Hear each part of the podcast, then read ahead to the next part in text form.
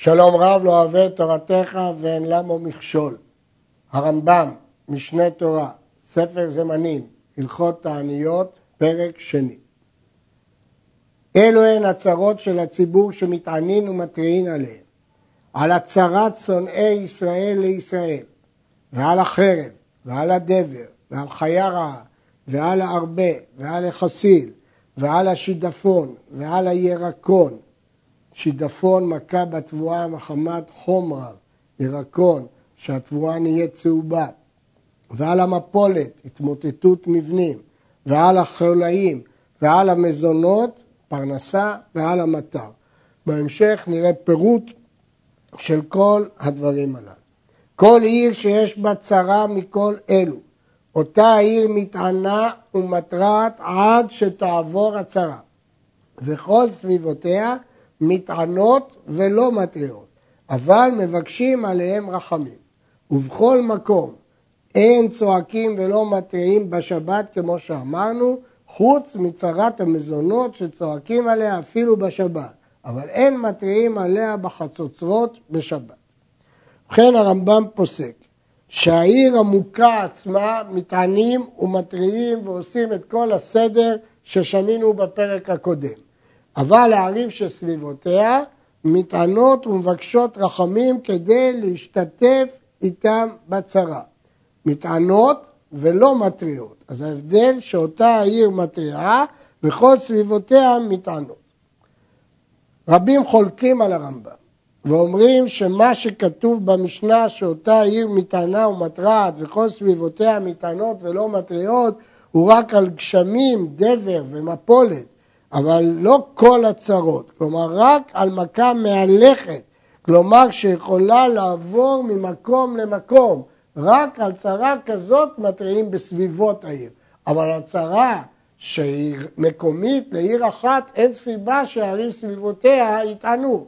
ברור שהרמב"ם לא הבין כך.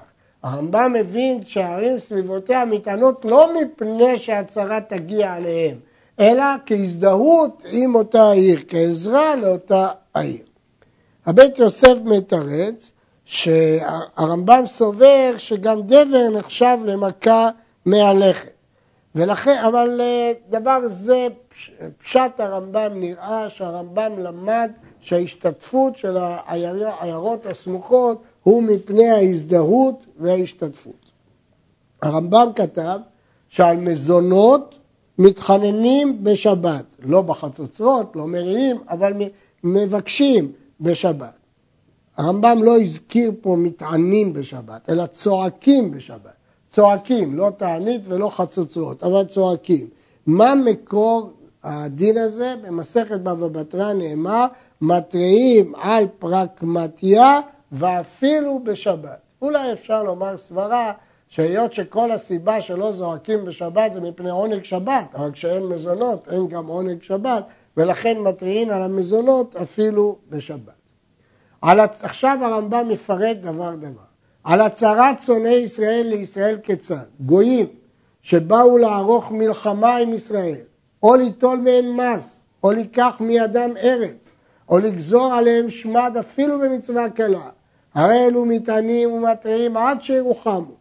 וכל הערים שסביבותיהם מתענים, אבל אין מתריעים, אלא אם כן תקעו להתקבץ לעזרתם. ובכן, מסביר הרמב"ם שהצרה היא לא רק מה שמפורש בפסוק, הצר הצורר אתכם במובן של מלחמה, לא זו בלבד, אלא אפילו אם הגויים באים לקחת ארץ, ואפילו רק להטיל מס, ואפילו רק לעשות שמד רוחני, גם זאת נקראת צרה צרורה, שהאויבים מטילים על ישראל וצריך על זה להתריע ולהתענות עד שירוחמו מן השמיים. גם כאן מדגיש הרמב"ם שהסביבה מתענה כהזדהות יחד עם אה, העיר הזאת, אבל לא מתריעה, אלא אם כן צריכים להתריע לעזרה. על החרב כיצד? אפילו חרב של שלום, כגון שערכו מלחמה גויים עם גויים, ועברו במקום ישראל, אף על פי שאין ביניהם ובין ישראל מלחמה, הרי זאת צרה, ומתענים ומתריעים עליה, שנאמר וחרב לא תעבור בארצכם, בכלל שראיית המלחמה צרה. לא רק מלחמה שיש כנגד ישראל, אפילו מלחמה בין שני אויבים, מצרים ואשור, אם היא מתרחשת בתוך הארץ, זאת צרה ומטענים ומתריעים עליה. איזהו דבר? עיר שיש בה חמש מאות רגלי ויצאו ממנה שלושה מתים בשלושה ימים זה אחר זה. זאת הגדרת המשנה. יצאו ביום אחד או בארבעה ימים, אין זה דבר. אם הכל היה ביום אחד, אז זאת לא מגפה, אלא דבר, אירוע, חד פעמי. ואם זה בארבעה ימים, גם זאת לא מוגדרת כדבר, כי לא מתו רבים ביום אחד. היה בה אלף, ויצאו ממנה שישה מתים בשלושה ימים, זה אחר זה, הרי זה דבר. יצאו ביום אחד או בארבעה ימים, אין זה דבר. וכן לפי חשבון זה. ואין הנשים והקטנים והזקנים ששבתו ממלאכה בכלל מניין אנשי המדינה לעניין זה. נשים לב, המשנה דיברה על 500 רגלי ואמרה שלושה מתים בשלושה ימים. מה כשיש אלף? אומר הרמב"ם שישה מתים, כפול, אבל בשלושה ימים. כלומר, מספר הימים לא משתנה, צריכה להיות שלושה ימים זה אחר זה. והמספרים משתנים, כלומר, אם יש עשרת אלפים צריך להכפיל בהתאם, על כל חמש מאות שלושה מתים. זאת ההגדרה של הרמב"ם. קצת קשה מה ההיגיון שחכמים הגדירו את המתים רק על פי יוצאים לעבודה, ולא נשים וקטנים וזקנים שלא עובדים. מדוע כוח העבודה הוא הקובע בהגדרת דבר? ו. היה דבר בארץ ישראל מתענים שאר גלויות ישראל עליהם. הביטוי של הגמרא מעניין מאוד, גבירה לוקה, שפחה לא כל שכן. אם הגבירה לוקה, ארץ ישראל, בוודאי ששפחה לוקה.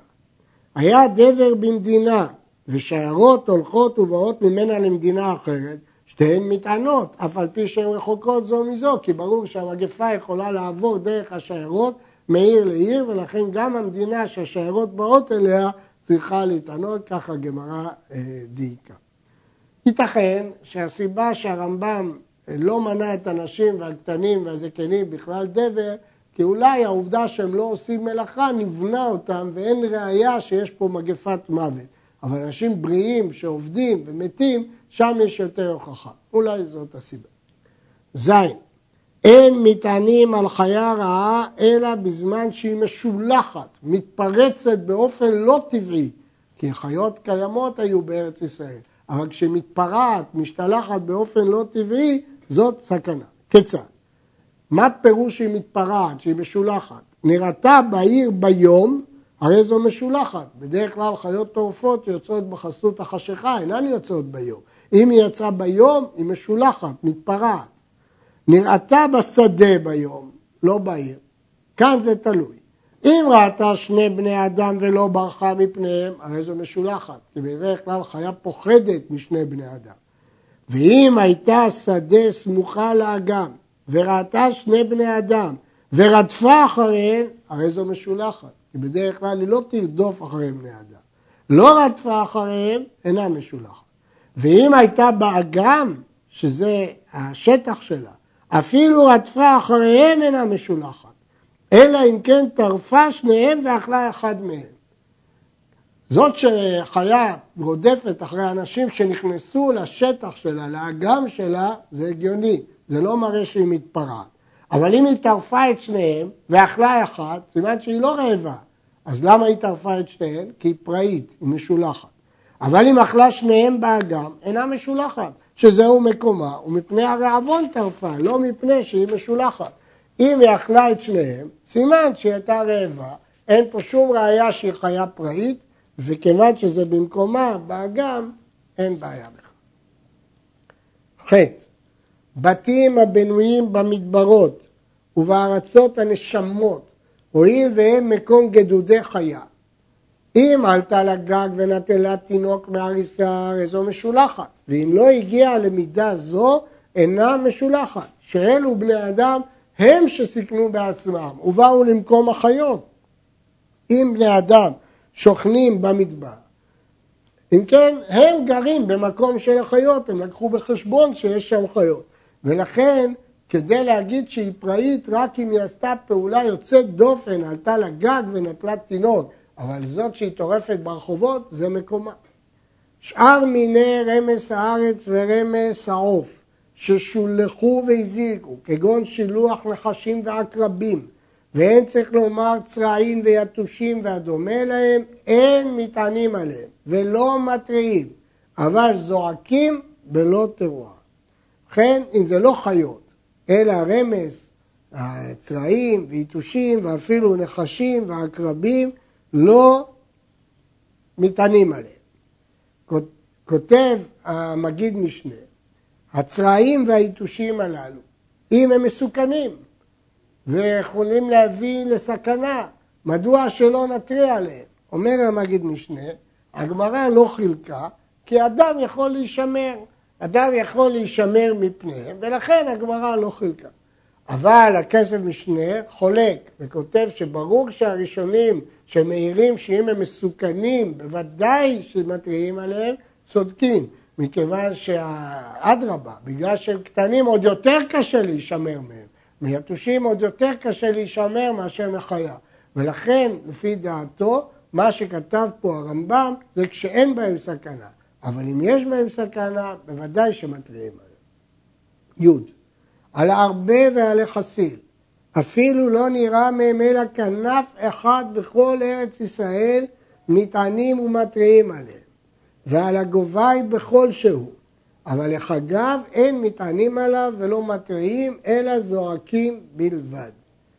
בדרך הרבה לנוע בלהקות גדולות, אבל אם נראה כנף אחד, ברור שיש להקה בעקבותיו, ולכן כבר מטענים ומתריעים. ישנם סוגים שונים של הרבה. הגובי משמיד את הצומח יותר מן הרבה. הגובי מזיק אפילו כל דבר. ולכן, אפילו שלא ראו ממנו רק כלשהו, מטענים ומתריעים. אבל החגב הוא בדרך כלל חי יחידי, הוא מתרבה מעט, והסיכון שלו הוא יותר נמוך. כמובן כל זה אז, כשהיו בקיאים בשמות שלהם, וידעו מה זה הרבה, מה זה חסיל, מה זה חגב. על השידפון ועל הירקון, מי שיתחיל בתבואה, אפילו לא התחיל אלא במקום קטן, כמלוא פי תנור, גוזרים עליו תענית ומתריעים. הסיבה, מפני שכבר יודעים שזה יתפשט. בגמרא יש סתירה, פעם מוזכר כמלוא פי תנור, פעם מוזכר כלשהו. ברור שהרמב"ם תרץ שכלשהו הכוונה כמלוא פי תנור, זה מה שהוא כותב, מקום קטן כמלוא פי תנור. אבל רש"י חילק בין התראה, שזה אפילו בכלשהו, לבין תענית, שזה דווקא כמלוא פי תנור. על המפולת כיצד? הרי שרבתה בעיר מפולת כטלים בריאים שאינם עומדים בצד הנהר, הרי זאת צרה, ומטענים ומתריעים עליה, וכן על הרעש ועל הרוחות שמפילים את הבניין והורגים, מטענים ומתריעים עליה. ברור שרעידת אדמה או התמוטטות פתאומית היא מסוכנת מאוד, אבל קיר שבנוי מלכתחילה ליד נהר ויש סיכון שהוא ייפול, אין פה צרה מיוחדת, זה דבר רגיל, צפוי ושגרתי שיכול הבית ליפול. אבל כשההתמוטטות היא בלי סיבה או מרעש אדמה, בוודאי שמתריעים עליהם. על החרלאים כיצד? הרי שירד חולי אחד לאנשים הרבה באותה העיר, כגון אזכרה, יש שמזהים אותה עם מחלת הדיפיטריה, שהיא מחלה מידבקת ועלולה לחנוק את האדם כי חוסמת את אה, נתיבי האוויר. או חרחור, מחלת חום ויובש, דלקת וכיוצא בהם, והיו מתים באותו חולי, הרי זו צוואת ציבור, וגוזרים לתענית ומתריעים. וכן חיכוך לך, מחלת עור, הרי הוא כשכין פורח, ואם פשט ברוב הציבור, מתענים ומתריעים עליו. אבל חיכוך יבש שאין בו מוגלה, צועקים עליו בלבד. הגמרא אומרת שהשכין של מצרים היה הלך מבפנים ויבש מבחוץ. על המזונות כיצד? מה פירוש שמתריעים על הפרקמטיה, על המזונות? הרי שהוזלו דברים של סחורה, שרוב חיי אנשי העיר מהם, כגון כלי פשתן בבבל ויין ושמן בארץ ישראל ונתמעט המשא ומתן עד שיצטרך התגר למכור שווה עשרה בשישה ואחר כך ימצא לוקח, הרי זאת צרת ציבור ומתריעים עליה וזורקים עליה בשבת. מעניין מאוד הפירוש. אין מדובר פה שהמחירים יקרים, להפך, מדובר על התמוטטות מחירים בשיעור של 40 אחוז, עשרה בשישה, התמוטטות כזאת תהרוס את השוק. כשיהרס השוק, כולם יסבלו, לא יהיו סוחרים, לא יהיו קונים, לא תהיה סחורה. על המטר כיצד? הרי שרבו עליהם גשמים עד שיצרו להם, הרי אלו מתפללים עליהם, שאין לך צרה גדולה מזו שהבתים נופלים ונמצאו בתיהם קבריהם. מדובר פה על בתים בבבל שהיו בנויים מטיט, ואם יש פתאום גשמים רבים, הבתים מתמוטטים כפי שהיו כבר בכמה וכמה מדינות. ובארץ ישראל אין מתפללים על רוב הגשמים.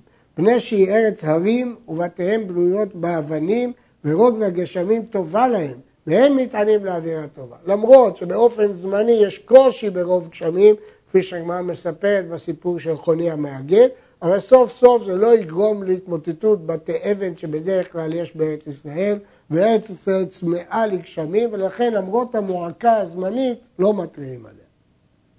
תבואה שצמחה ונמנע המטה והתחילו צמחים לבש, הרי אלו מטענים וזועקים עד שירדו גשמים או עד שיבשו הצמחים שאז אין כבר למה לצפות. כך פירוש הרמב"ם למה שמוזכר בגמרא, אה, רש"י מפרש פירוש אחר.